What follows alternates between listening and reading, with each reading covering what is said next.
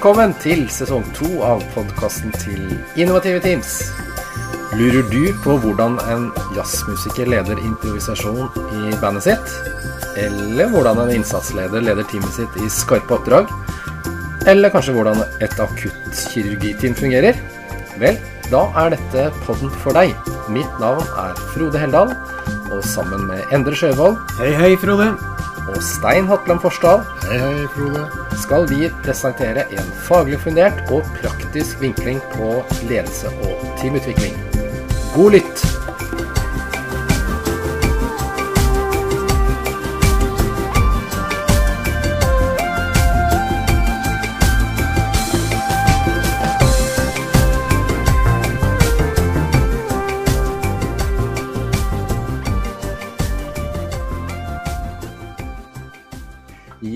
Da sitter jeg og ändrar her igjen, og i dag har vi med oss en gäst gjest fra Sverige, Per Trossmark. Vi skal komme tilbake til deg, eh, Per. Overskriften i dag, innovasjon og startup-teamet. Hvordan ser det ut? Hva er lurt? Hva er bra? Kanskje noen tips og triks, og kanskje se litt videre også fra bare denne viktige oppstarten. Eh, og som sagt, eh, Per kommer vi tilbake til. Eh, Endre, hei Endre. Hei, hei. Kan ikke vi begynne litt eh, i faget, faglig? Innovasjonsteamet, et godt innovasjonsteam, hva er det, Endre, før vi setter over til eh, Per? Vi har jo snakka om det tidligere podkast, dette med hva er et godt og effektivt team.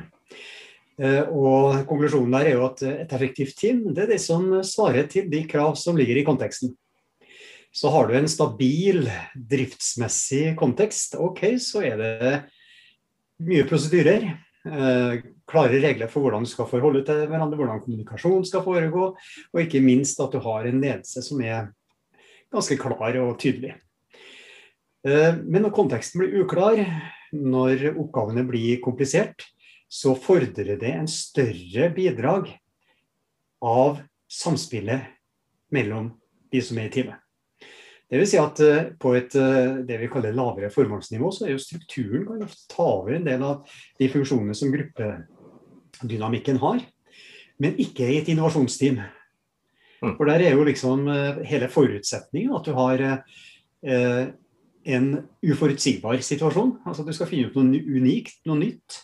Du skal gå på tvers av det som er oppleste regler og, og normer i bedriften. Du skal utfordre både egne og, konkurrenters eh, skal vi si, eh, forståelse av hva gode produkter og tjenester er. Og du må kunne se ut over det som er, er faktisk eh, status quo. Da. Og da fordrer det at du har en dynamikk, dvs. Si samspillet mellom folk, som er utrolig avansert i forhold til en vanlig driftssituasjon hvor, hvor mye av strukturen kan holde, holde gamet i gang. Mm. Så det er jo, og så kommer vi inn på dette, Hva er et innovasjonsteam? da? Er det en gruppe som liksom er slengt sammen for å skape noe nytt? Ja, det kan jo være det. Og du nevnte startups. Det er jo ofte at de ikke er så jækla innovative. De, de har en idé allerede, og du har en gründer som er veldig bestemt på hva som skal til. Og så setter de i gang, og så har de en investor som, som styrer en del av hvordan det skal utvikles. Men du kan også tenke at store bedrifter som har eh, behov for å utvikle sin portefølje, utvikle sine produkter for å holde seg konkurransedyktig. Hvordan organiserer du det? Og da kommer vi inn på dette med sånn ambidextrous uh, organizations og alt det der styret der. Altså hvordan kan du være i stand til å bruke begge hendene like Mm. godt? Og der er jo alle muligheter eh, til å se sånn som 3M, som da har, har eh, lagt opp til at hadde i hvert fall lagt opp til at du kunne bruke en viss tid på å tenke nytt i din vanlige arbeidshverdag. Til bedrifter som sier at nei, dette, dette må vi dedikere egne eh, avdelinger, grupper til, som sitter nærmest som en sånn eh, på ryggen til organisasjonen og speder utover, men som egentlig er en isolert enhet, som har det som eneste formål. Mm. Så ok, altså et innovasjonsteam, det som særtegner det, er jo at dynamikken er mer avansert. Hvordan du organiserer det, avhengig av fra en startup til en stor organisasjon. Det er jo litt avhengig av, eh, av, eh, av andre parametere, og det vet eh, Per en god del om.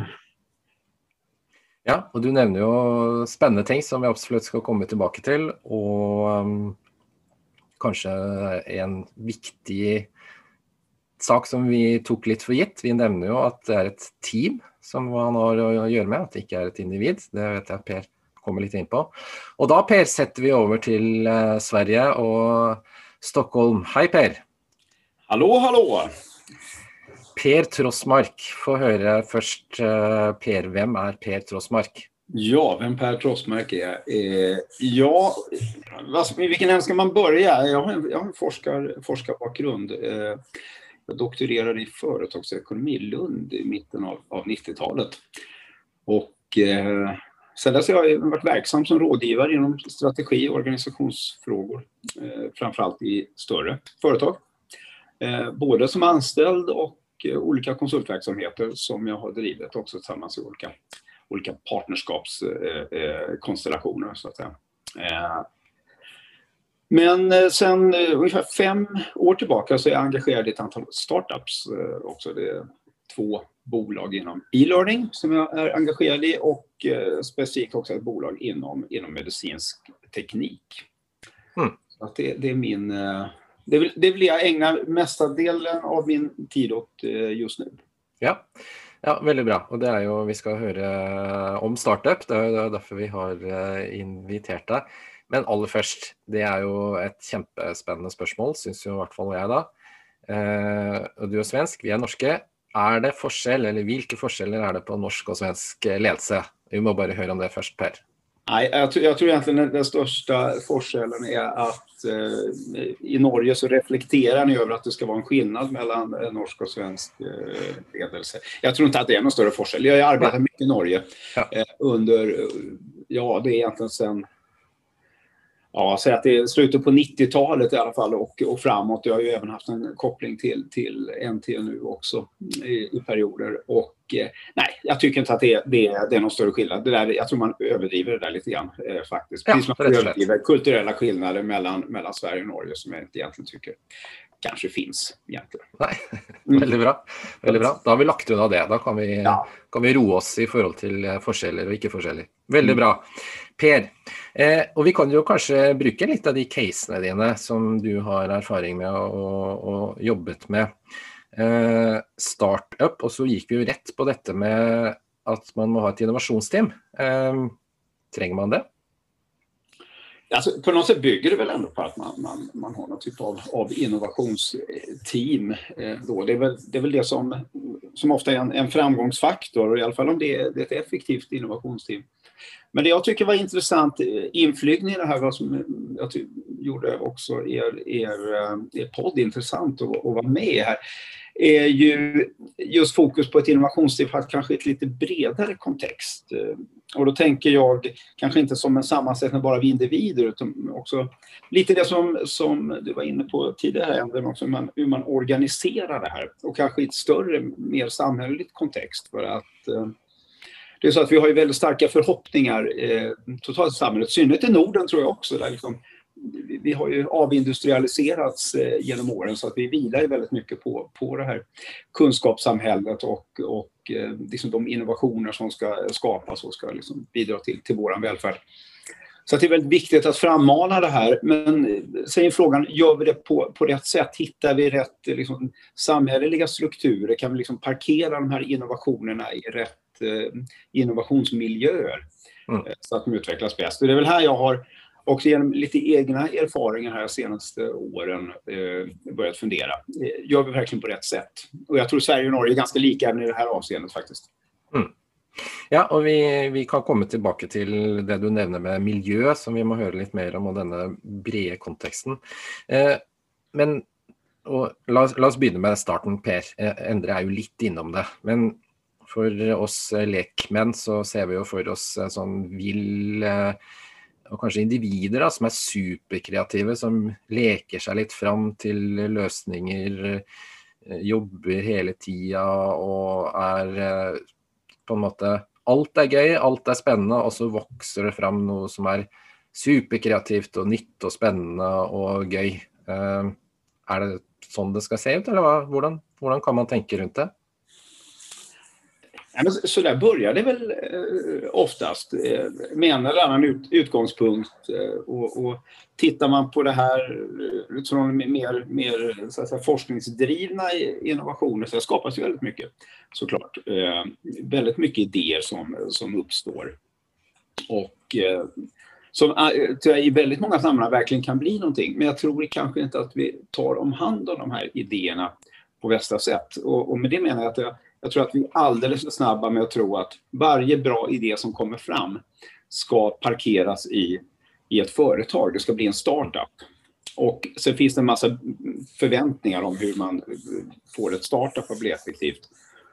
Och istället så förstör man bara de här, de här goda idéerna eh, mm. i många fall. Vi vet att någonstans sådär, lite siffror som säger att någonstans 90 till 95 procent av alla startups de, de, de misslyckas, de blir ingenting.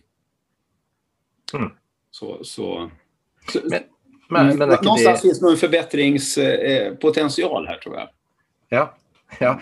och du, du har ju nämnt några stickord med miljöer och, och, och bred kontext. Men eh, hvis vi går lite in i själva processen, da, er det inte så det ska se ut? da, Per? At man ska komma upp med masse gode ideer, och så ska man på en måte ha en, ha en sånn trakt, och så ska man sile ut det som kan ge avkastning? Absolut. Det, det, nej men det, det, tror jag det, det är rätt. Jag menar, alla idéer är ju kanske inte förtjänar att bli, bli liksom, eh, stora innovationer som kommer att, att eh, liksom, skapa välfärd i samhället. Så, så är det ju eh, såklart. Eh, men frågan är hur vi gör den där utsilningen i den där trakten. Eh, yes. Eh, och det, det, är väl, det, är väl, det som, som, som jag tror man kan göra på, på, på lite olika sätt.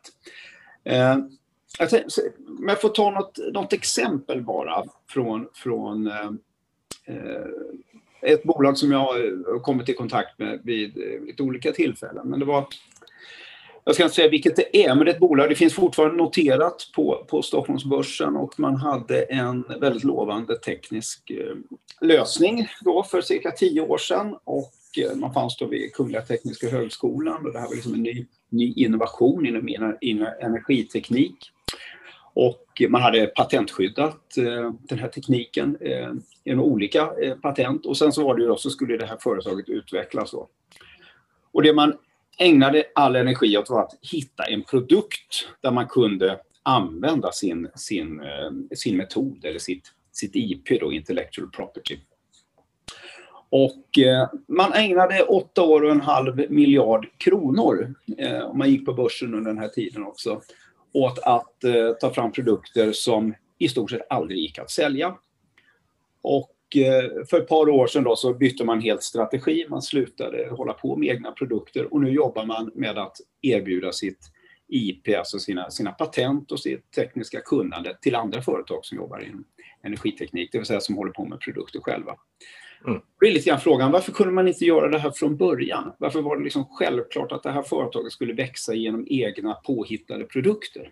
Ja. De hade en bra idé, de hade ett kunnande som fanns ett behov av i andra företag. Varför kunde man inte utveckla det? Och det var det där jag tyckte var, var liksom, den frågeställningen som jag, jag tycker är viktig att ha med sig. För jag ser nu att vi, när vi coachar fram olika bra innovationer så är det precis just på det här sättet att det ska, det ska bli egna startups som ska ja. växa genom egna konstiga påhittade produkter som man kanske inte alls har någon kompetens eller några förutsättningar att, att kunna erbjuda på en marknad. Man måste liksom hitta mycket större, kalla det för innovationsnätverk då, eller innovativa team, där vi kan plantera de här idéerna, där de kan få utvecklas och frodas med en större bredd av, av kompetenser och andra företag som, har, som ser marknadsmöjligheterna istället för att vi dödar i ett litet isolerat startup. Ja, så, så um, ska vi se, hvis vi, hvis vi håller tunga lite uh, rätt i munnen. då, si, säger du nu att man kanske ska vara strängare? Att inte alla idéer bör bli startups? Att den trakten kanske måste vara lite smalare? Eller, eller tänker du att det är mer på kanske det sista du säger, att at disse startupene må eh, kanskje jobbe mer i team, ikke være så isolert? Altså det er måten man, man sender dem av gårde på? Ja, jag, jag, tror både och eh, kanske. Jag tror väl kanske att man kan ta tag i idéerna tidigare och se till att de de, naturligtvis måste man jobba med att säkra upp det här och beskriva vad som är liksom det För det är ändå en tillgång, det är en resurs som, som man måste värna om.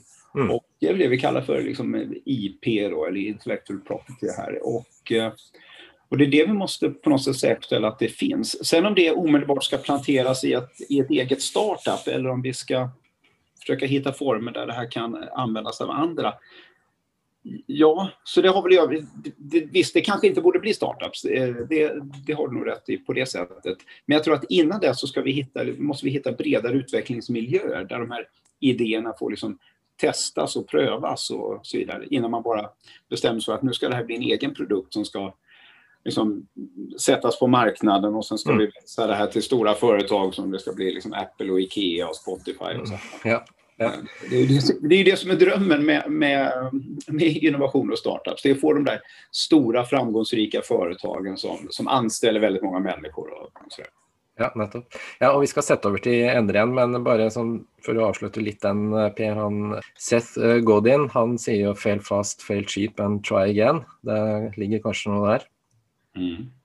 Ja, nej men det, det, så är det ju. Så kan man se på det. Men vi, vi vet ju också att eh, väldigt många bolag har, har, har väldigt många idéer har, har försvunnit under resans gång fast de nog egentligen skulle kunna haft en, en ganska stark potential. Ja. Eh, jag vet ett annat företag som parkerades i, eller liksom kom in i en sån här incubator då. Eh, vi har många sådana kopplat till, till universiteten. Och eh, det här skulle då börja utvecklas. Man har tagit fram en ny typ av, av kamera, kamerateknik då. Fick väldigt mycket finansiering, fantastiskt mycket pengar som ramlade in till det här lilla företaget. Och jag tror det var 40-50 miljoner.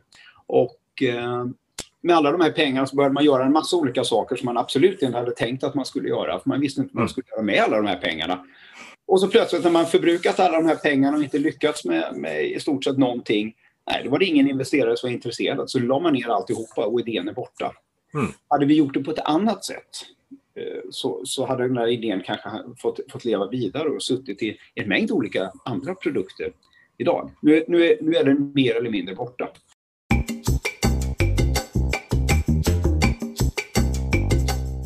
Ja, du, det, det var gott att höra på det som, det som Per säger. Og det er jo, når vi ser på alle de startups som bare forsvinner, eh, så er det jo også sånn at den, viljen til å gå utover egen gruppe, eh, som Mils beskriver til eh, grupper på høyere formålsnivå, er at de, de ser ikke gruppen som, som liksom hindre for at vi skal bli noe annet. Tvert imot. De er hele tida på jakt etter, etter samarbeidspartnere, og kanskje at gruppen ikke skal eksistere lenger. Altså Du må utover et større større ja, marked eller anskuelser. Og det er jo den ene arbeidspakken som er leder i dette SFI-en, i Norv AI. Altså den heter jo eh, AI Innovation Ecosystems. Og hele ideen bak det her for at du lykkes med kunstig intelligens, som er da veldig mye innovasjonsaktivitet, det er jo nettopp det at du har et stort og bredt eh, omfang av samarbeidspartnere. Altså et økosystem av potensielle kunder, leverandører, samarbeidspartnere eh, og konkurrenter som du kan utvikle noe sammen med. Og uten dette økosystemet, som er da grunnlaget for, eh, for den, ja, det er jo faktisk grunnlaget for eh, plattformteknologien også, faktisk. Som Facebook og Google og disse her. uten det så, så taper du, akkurat sånn som, som, som Per sier. Og du taper gode ideer. Du taper det som kunne blitt eh, en fantastisk reise. Mm. Ja, og bare holde litt på den, uh, endre den uh, Hvis vi fortsetter litt grann også med teamet, og dere snakker jo mye om hva som skjer utafor teamet, så vi skal ha med oss det. Men bare litt sånn fra starten igjen, så vi, vi ser jo for oss dette, dette kreative teamet. Um, og dere beskriver begge nå kanskje andre ting som er viktigere, da, men hvis vi begynner med ordet kreativitet, uh, Endre. Uh, hva, hvordan ser det ut? Er det fire-fem stykk som er kreative, eller er det to som skal være kreative, og de tre andre som skal være du nevnte ambidextrous, og som skal være mer strukturerte, eller hvordan, hvordan skal man tenke rundt det? Ja, Nå er du inne i eh, et team som sitter og skal være innovative, eller? Ja, startup-teamet ja. nå. Mm. Ja, altså det er helt klart at Skal du ha et innovativt team, så må jo alle være innovative og kreative. Da. Og det, det er jo en slags sånn uh, myte ut og går uh, som jeg ikke fatter og begriper. I hvert fall ikke noe forskningsbelegg for det. Ja, Du kan sette sammen folk med ulik bakgrunn. Da. Så da kunne du tenkt deg ut fra det du sier, at du har fire med ingeniørbakgrunn, da, som er nokså saklig og grei, som sitter der og kommer med, med fakta. Og så har du noen som er sånn kreative og spontane, som liksom genererer et eller annet ut av det. Dette, alle som har vært i gruppa og jobba i team, vet jo at det sånn vil jo aldri fungere. Men eh, det at du ser fire ingeniører, eller fem ingeniører, seks ingeniører som sitter sammen med sitt sakliga saklige og faglige, förankrade godt forankra grunnlag, begynner å diskutere og begynner å at det ligger noe nytt her. De fleste som har vært i den type grupper, eller observert den type grupper, ser at det, det tar ikke lang tid før albuene ligger ute på bordet og, og temperaturen øker og intensiteten er i full vekst. Og hvor kreativiteten blomstrer. Eh, og Det er jo pga. at man ser at man har en faglig kompetanse som kan bli bedre av de andres innspill. Og de andres innspill er faktisk interessant. og Man kan bygge på noe nytt på noe som man ikke trodde var mulig før.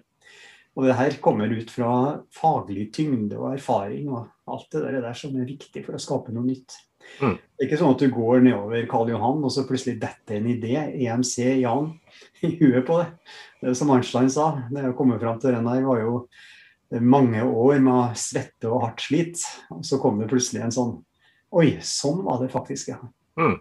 Han hadde jo tenkt å gi opp den uh, uh, spesifikke relativitetsteorien. Ja, fordi du, det, Vi har jo vært innom, eller Apple er jo blitt nevnt. og Vi kan jo diskutere lenge om de er innovative eller ikke. da, men noe har de jo kanskje gjort riktig. og Det ble jo sagt at i hvert fall tidligere når Steve Jobs levde, så ble Apples innovasjoner til når han så seg i speilet om morgenen. Eh, men det, dere trekker jo fram helt andre ting egentlig enn det superkreative individet, Endre. Ja, ja du, du, trigger jo meg som en sånn Linux-mann. Apple har vel ikke funnet opp noe som helst, har de det? De har stort sett eh, brukt innovasjoner som er betalt av skattebetalerne, amerikanske skattebetalere, og satt dem sammen i en nydelig design og et godt intuitivt grensesnitt og vært utrolig god på salg. Mm. Men sånn er det. Nå, ja. Och det, det är kanske det andra perspektivet på det hela. Det kanske inte har så mycket med, med idéernas liksom, verkningshöjd att göra utan det, liksom, det är den, den kommersiella förmågan som är, är det viktiga. Då. Mm. Sen kan man möjligen diskutera om, om Apple inte har kommit med några innovationer eller inte. Men, ja. Ja, ja det, blir, det, blir, en annen diskusjon. Eh, kanskje. Men eh, veldig bra, spennende. Og vi har eh, förstått forstått at teamet eh, Altså tenk, tenk, team, viktig. Vi har hatt det litt implisitt. Dette teamet består ikke av kreative individer, det er andre ting som er viktig.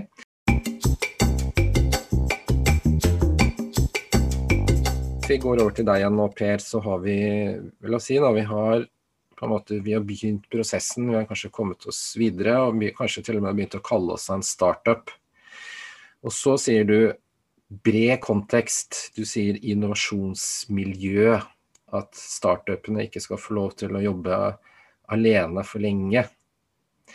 Si, si mer om, om, det, og vær gjerne litt konkret. Hva, hva, betyr det, hvordan skal det se ut? Skal man være i inkubator, har du nevnt. Eh, Klynger er et ofte brukt begrep i Norge. Er det noe der, eller hva, si, si mer. Hva, hva, hva, tänker man? Ja, men alltså det, det, det finns ju liksom väldigt mycket olika, olika modeller för, för det här. Men det är klart om vi, vi, vi, vi ser på det här liksom typiska då, innovationerna försöker liksom organisera fram. Ja, men det kanske börjar liksom i någon typ av, av forskning då, som du säger. Och sen, sen, sen har man kanske då, som, och även på individnivå, parat ihop den här forskaren med någon, någon mer entreprenöriellt orienterad person, kanske någon investerare. Och då har man då det där startup-bolaget eh, mm. på plats. Vad händer sen? Ja, typiskt sett så kanske man, man går in i en inkubator. Då. Eh, och där, där brukar man eh, kanske få ha det här företaget i några år, tre år kanske. Och då ska man igenom ett antal faser. Och, och då, då liksom målsättningen med när man kom, är klar med de här faserna är att det här ska bli ett, ett eh, företag som då kan växa på egen hand och som till slut kanske blir då kanske ett Apple eh, eller, eller något liknande. Och frågan är vad är det då för aktiviteter som sker där inne? Vad, vad, vad, på vilket sätt är de här bra eller till och med skadliga? Jag tror att det är just att man har en standardbild av hur företag ska lyckas. Och det, det, återigen, det är det här att man måste göra allting själv. Vi pratar om ett, ett litet startup som egentligen inte har någon annan kompetens än just sin egen, egen lilla idé som det, som det vilar på, det här IP som jag pratar om. Mm. Det, det är kärnan i, i det. Men vad, vad, är det istället vi lär eh, det här bolaget när det kommer in i, i en inkubator eller får annan typ av, av coaching och stöd? Jo, det är att den ska liksom kartlägga marknaden för att se vilka behov som finns för att vi komma fram till vilken produkt som man ska eh, ta fram. Och sen hur man ska sälja den här produkten och, och eh, sen ska man börja utveckla den och producera den, sätta på marknaden och under tiden ska man försöka få in så mycket riskkapital som möjligt för att finansiera det här kalaset också. Och det, det är där jag menar att här, här, man ställer för stora krav på, på det lilla bolaget, att det ska göra en massa olika saker som det kanske inte alls egentligen är rustat för att göra. Mm. Utan det finns därför att det har, har en god idé. Inte för att eh, det kommer vara bäst i världen på att sälja, sälja marknader eller sälja produkter på, på globala marknader. Eh, så det är det här jag tror att man måste vara lyhörd för olika typer av utvecklingsförlopp och jag ser tyvärr inte att det, det där finns riktigt.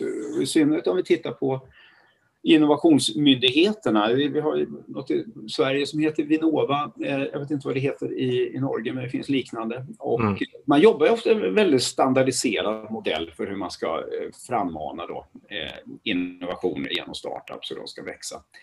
Och det, jag tror vi måste hitta liksom en, en, en, eh, alternativa miljö, för vi vet att de stora bedrifterna eh, de brottas med helt andra problem. De, de är å andra sidan ganska mångsidiga. De kan väldigt mycket av de här sakerna. De finns på marknaden redan De har liksom bevisat i, i kraft av att det är, är stora, stora bedrifter.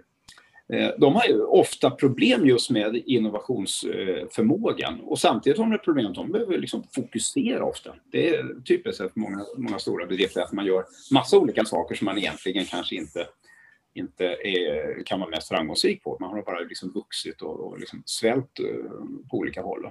Så att där kan de här goda idéerna bidra till att liksom befrukta de här verksamheterna. Så idén i sig kanske skulle må bättre i, ett större, i en större bedrift än i, i en startup. Och hur, hur jobbar vi med det? Jag har inget svar på den, den frågan. Eh, men jag tror att vi måste börja se, se behovet och, eh, och hitta, hitta formerna för det. Mm. Mm. Hvis, vi, hvis vi fortsetter litt på, på, startups, for det du sier er vel at det er noe i overgangen fra startup til å bli noe mer, om det er scaleup eller eh, alle de fine ordene man kan mm. putte på. Um, så sier du at det, det, det, ligger definitivt noe i strukturen i innovasjonspolitikken, kanskje, som vi jo kjenner igjen i Norge òg. Vi har jo en del midler til, eh, til startups. Um, tenker du at startups får holde på litt for lenge med bare å være startup? Er det noe der? Er det, er det for enkelt å bare få lov til å være en startup, og så koker det bort? Ja, men kanske att det är det. Du, du har liksom någon, någon, någon sån eh, grace period där på, på några år där du får liksom eh, bara, bara få finnas till och allting är, är bra och intressant och så vidare så länge du naturligtvis har lite eh, kapital så att du klarar av att liksom, hålla verksamheten vid liv. Men, men har du inte lyckats på den här perioden då är du liksom, är borta. Jag tror att man måste hitta liksom, alternativa strategier. Jag tror att det är det möjliga som ska vara vad fokuset är, vad, vad är det för strategi man ska ha. Mm. Och eh, jag tänker dra en parallell då, eh, om det kan jag tänkte berätta om det här medicintekniska projektet som jag mm. är, är engagerad i. Det var helt enkelt det var ett forskningsprojekt vid, vid institutionen för medicinsk teknik i, eh, i Linköping. Och en man där som heter Lars-Göran Lindberg som hade liksom, hållit på med forskning med optiska metoder i hela sitt liv och kommit fram till en ny metod för att mäta det man i vården kallar för vital, parametrar, alltså hjärtfrekvens, andningsfrekvens, syrgasmättnad etc.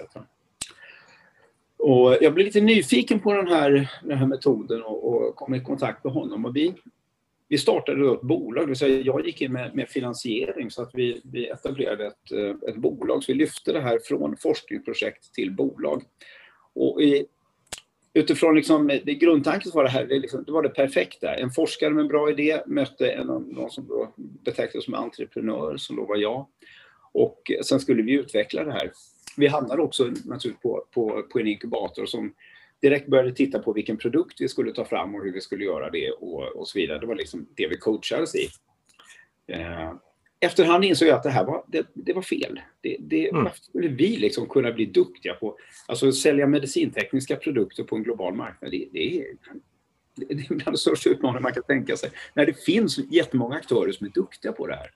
Bara för att vi hade en bra idé och vi hade patenterat en metod. Så vi bytte ju strategi.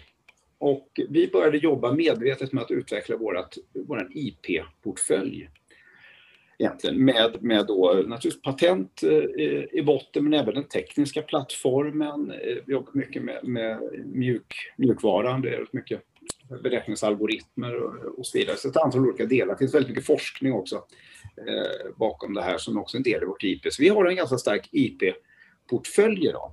Mm. Detta var då inte utifrån från, kan säga, vare sig universitetet eller liksom inkubatorns eh, uppdrag rätt sätt att jobba. Vi skulle ha ambitionen, tyckte man, att bygga ett stort företag.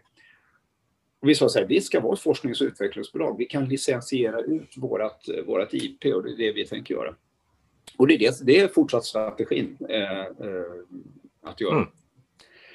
Och, och jag menar, vi, vi, man skulle kunna bli bättre på att jobba med alternativa tillväxt och utvecklingsstrategier för olika typer av startups.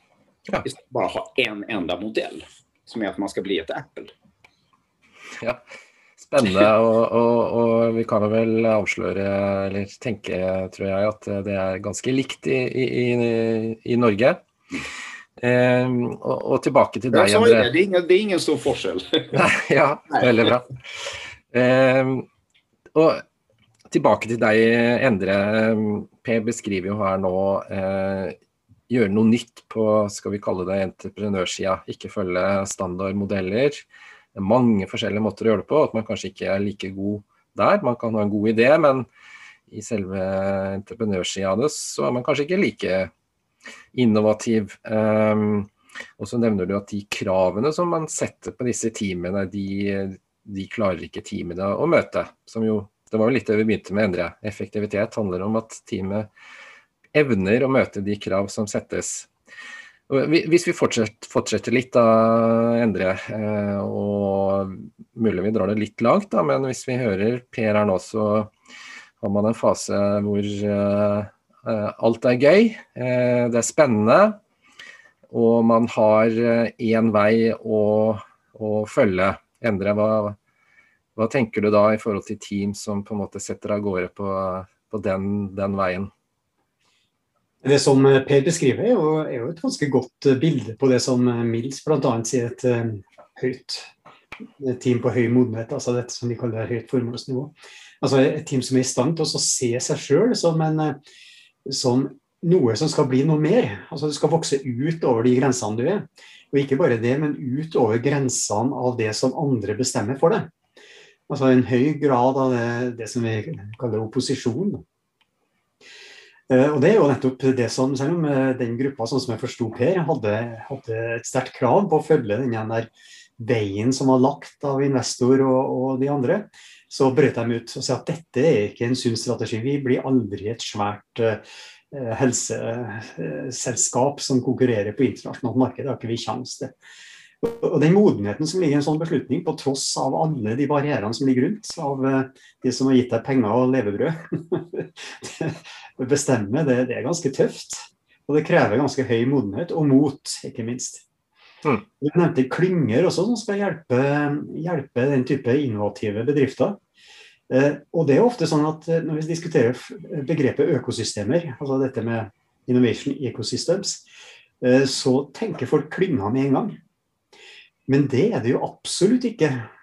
För klynge är ju då ofta en sån sammanställning av en hög med liketänkande andra sällskap och grupper som nettopp förstärker den här konservatismen och manglande eller försiktigheten och manglande mod då, till att bryta ut ett ökosystem som vi snackar om i innovationsöjemed.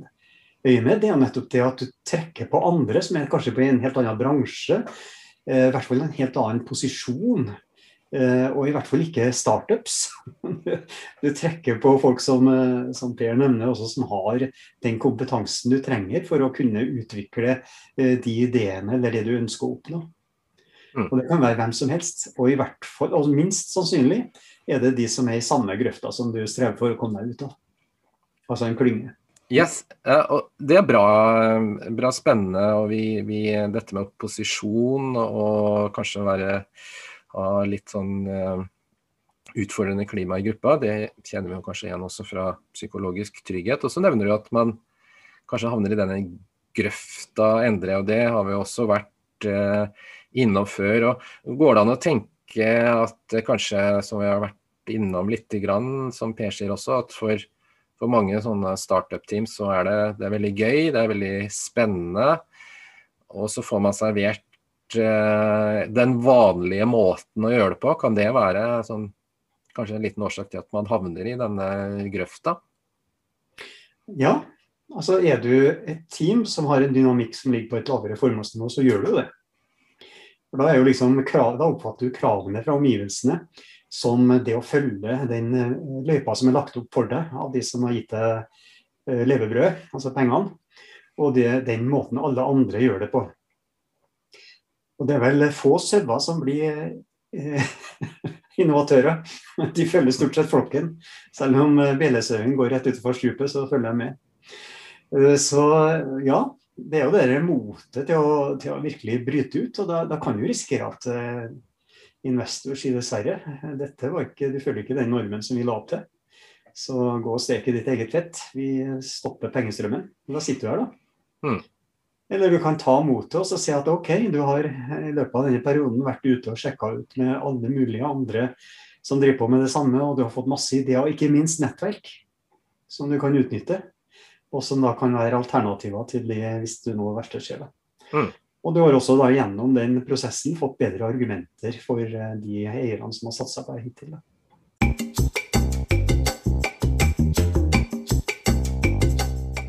Ja, og, og, dette er jo spennende, som jeg tror kanskje noen, noen klør seg litt sånn i, i hodet på. For den, Per, hvis vi går tilbake til eksempelet ditt, så, så er kanskje noe av det frykten kanskje som, som Endre er innom, det er jo dette med vi, vi, vi mister ressurser, vi mister penger. altså eh, Ressurser er jo på en måte låst, låst, i dette systemet og strukturene, og så sier du det, dere klarte å bryte litt løs fra det.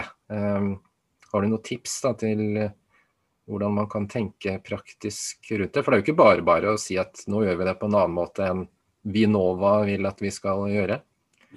Nej, det, det, nej men så, eh, så är det absolut. Det, man måste på något sätt, eh, som Endre var inne på, det blir ju väldigt starka normer om hur man ska, hur man ska göra. Så här, så här gör man när man jobbar med innovation och det har vi nästan, det, det finns mer eller mindre formaliserat, det här vi kallar för de här här, innovationssystemen eller det som ibland benämns som triple helix då, det vill säga att det ska vara någon slags det, ja, tre delar, alltså det, det är för eh, forskningen då Eh, såklart kopplat till universitetet som är en aktörsgrupp i det här. Sen har vi företagen, och det är då de här startups och kanske i en, en, större miljö av andra, andra bedrifter också. Och det tredje det är liksom den stödjande strukturen med samhället eller den offentliga sektorn. Det kan vara Vinnova eller andra andra typer av offentliga organisationer. Många kommunala eh, tillväxtinitiativ också. Så det är de där tre liksom, som har bestämt sig lite grann för att så här jobbar vi ihop för att frammana innovationer. Och det är inte så jäkla lätt att liksom gå, gå på tvärs av det här sättet, vi ska göra på ett annat sätt. Eh, för parallellt så är det liksom, det har varit en trend i samhället också. Om, om, nu pratar vi mycket om de här tech miljardärerna, de som liksom eh, har byggt eh, olika typer av, av, väldigt framgångsrika företag som liksom har, har, utvecklats och fått enormt höga, höga värderingar. Det har liksom blivit, blivit en trend och nästan en livsstil. Då. Och, och, även bland investorer så har det byggts upp trender kring hur man ska investera i den här typen av, av verksamheter. Och allt det bidrar ju till att skapa, skapa massa normer och, och förväntningar på hur startups ska utvecklas. Och ofta är det att man ska gå, gå själv ut på marknaden. Liksom. Det, det är det här liksom, entreprenörskapet, lite alla, alla John Wayne, där, så här, ensam är stark. Eh, och det är det jag tror eh, inte riktigt stämmer för alla. Jag tror vi kan nå, nå mycket längre om vi bryter de här eh, eh kanske normerna eller har lite, lite, lite lösare nätverk, parallella innovationsnätverk. Mm. Ja.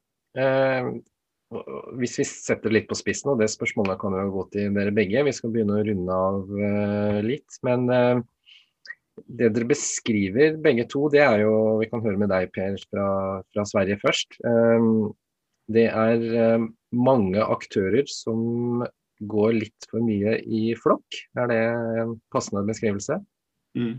Ja, ja, verkligen mycket så. Det har liksom blivit en det har blivit ett eget eh, liksom institutionaliserat flockbeteende hur man ska jobba med, med innovationer och startups.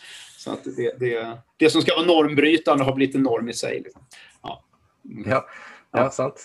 Og Endre, vi, vi har jo en uh, pod som sier noe av det samme om uh, konteksten i, i, Norge. Men uh, skal, går det an å tenke at det er ganske beskrivende for innovasjonskonteksten også i Norge, Endre?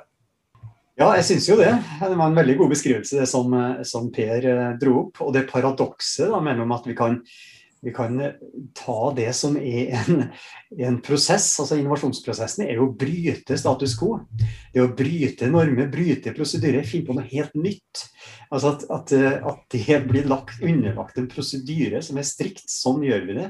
Fase sånn, fase to, fase tre osv. Og, og så er vi i mål. Så er vi verdensomspennende. Det er jo ikke sånn det foregår. Det blir mer sånn som han eh, Kim Jong-un ikke sant? Prøv å skjøte opp raketter, og ble kalt Rocket Man og latterliggjort. Eh, og så plutselig så stilna latteren da han hadde en rakett eller en missil som gikk helt til, til Hawaii. Da ble det plutselig ikke så moro lenger. Men det han drev på med, var en god beskrivelse av innovasjonsprosessen. Ikke sant? Prøve. Nei, det gikk ikke. Ok, kosta litt. Vi prøver igjen. Ah, nei, det gikk ikke det heller. Og til slutt så fikk vi det. Altså en stadig prosess av prøving, feiling, prøving, feiling, som er egentlig ganske kostbar. Og dette begrepet lean innovation, hva som ligger i det, det kan jo lese, da. Men, men hva, hva, det egentlig altså Det er jo noen motsetning i, i begrepet, i hvert fall. Altså, innovasjon er ikke billig. Innovasjon er prøving og feiling, og det koster både menneskelige ressurser og det koster penger. Mm. Veldig bra. Og, og, vi skal begynne å runde av, og uten, gå, uten, å gå for mye i innovasjonspolitikk. fordi det er jo ikke det denne poden handler om. Det handler om ledelse og team. og noen hører jo kanskje at eh, vi närmar nærmer oss et lite begrep som vi har vært innom før, nemlig gruppetenking. Ehm, det er jo en tøff påstand, men ehm, Per, hvis vi allikevel da leker oss litt da med at vi eh, Og nå sier jeg både Norge og Sverige. vi vi er kanskje litt selvgode. Vi er litt selvtilfredse i forhold til innovasjon. Og vi er litt, eh, litt for glad i folk som tenker likt, tenker det samme som oss. Eh, hvis vi går videre derfra, da, tenker du at det er en god idé å få tak i eller involvere eller oppfordre til litt sånn annerledes eh, tenking også innenfor innovasjon og entreprenørskap? Ja, absolut, det är väl det som är, är innovationen, jag säga. När, när det liksom blir, blir normer och, och liksom för givet taget, då, det, då, har vi ju nästan tappat det, det som är, är det, det, innovativa på något sätt. Så att det, här, här ligger nog någon, någon slags eh, paradox, tror jag. Så absolut, gruppetänkning, det, det, det, det ligger nog, eh, nog nära till hands. Det tror jag. Och nej, jag håller, inte, jag håller med om att det här ska liksom inte låta som att vi håller på och pratar om, om någon slags eh, liksom, näringslivspolitik och, och, och, hur vi ska organisera eh, liksom, samhällsstrukturer på, på bästa sätt. För det, det går tillbaka också i hur vi, hur vi jobbar i, i, i de enskilda bolagen och, och eh, hur de eh, i sin tur ska kunna lyckas som, som startups. Och, och, och det, jag, jag kikade bara in liksom innan den här, eh, innan vi skulle höras av här nu och prata så, så hittade jag bara en gammal artikel här i Forbes då som säger att 90% of startups fail. Here's what you need to know about the 10%. Ja, det är ju jätteintressant. Mm. Men jag tyckte det var intressantare att höra vad de sa om de där 90 procenten som, som failade då. Då säger man så, det är liksom top reason då, eh, är why startups fail. They make products no one wants, säger man. Okej, okay. och så riktar man in intresse på så här, okay, hur ska man ta fram rätt produkter.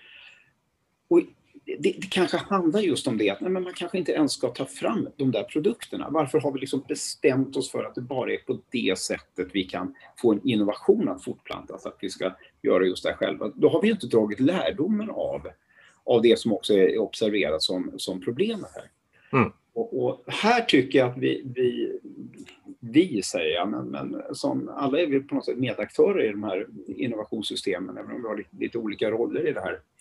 Eh, ni på den akademiska sidan, eh, här, jag, jag, sitter själv som någon slags startup-entreprenör eh, och, och brottas med det, men vi, vi, har, vi har ett ansvar för att, att eh, eh, hjälpa varandra att hitta, hitta olika strategier och att vi också bygger våra innovativa team även på mikronivå i våra, våra egna nätverk på, på, liksom, eh, på bästa sätt. Och, och tycker att vi ska aktivt också ifrågasätta liksom, de, här, de här normerna som, som, eh, som ställs eh, och som liksom, tycker jag fortplantas hela tiden. Mm. Mm. Ja, Eh, spennende. Vi, vi, skal begynne å avslutte, og dere skal få noen eh, siste ord, begge to. Eh, Endre først. Eh, du beskriver jo et team på et høyt formålsnivå. Og eh, Eh, har du noen gode praktiske tips? da, La oss si vi har noen startups som er innom og, og hører på og har eh, begynt arbeidet sitt. Ehm, hva tenker du, hva, Hvordan skal de tenke rundt da dette teamet sitt for at de skal klare å bevege seg på dette høye formålsnivået som du, du eh, etterlyser? Det blir jo å være litt som en uh, treåring, da. Spør hvorfor. Hvorfor? hvorfor? Ja. Og uansett hvilket svar du får, så er det hvorfor. Altså, det å sørge for at du får belyst, uh, få frem alles uh, kompetanse, alle syn, og ikke minst få kartlagt gjennom den prosessen hva du ikke kan. Og da, hvem er det utafor som kan hjelpe oss? Og det som Per dro opp også, at vi, vi, og som er definisjonen på et økosystem. At du har eh, folk fra vidt forskjellige bransjer og andre industrier som da, som da kan hjelpe deg fram. Og ikke mm. tro at du skal mestre alt sjøl. Det er jo nevnte gruppetenking. Det er jo typisk for en gruppe som, som, eh, som, ligger under den betegnelsen. Det at man skal tro på at man har sjansen og kunnskapen og evnen til å greie alt sjøl. Sånn er det ikke. Nei. Rett og slett. Og, og, Per, du skal få lov til å avslutte kanskje med det vi på norsk kaller noen eh, bevingete ord. Da. Men eh, et lite siste spørsmål som er spennende, da, som hører, hører du sier. Eh, som dere gjør, da, eh, og er bra, som dere har god suksess med, det er at dere ikke tenker at dere skal bli det nye Apple. Altså dere tenker ikke de sånn superstore, fluffy banene. Dere skal på en måte ha en litt mer down to earth eh, målsetning, for å bruke det ordet. Det, går det an å høre det dit? Men, eh, så, så, så är det såklart. Det, det är inget fel att ha ambitioner att bli, bli ett Apple. Några blir det ju, eh, men väldigt, väldigt få. Så jag tror att om det är måttstocken så är det väldigt svårt att lyckas. Eh.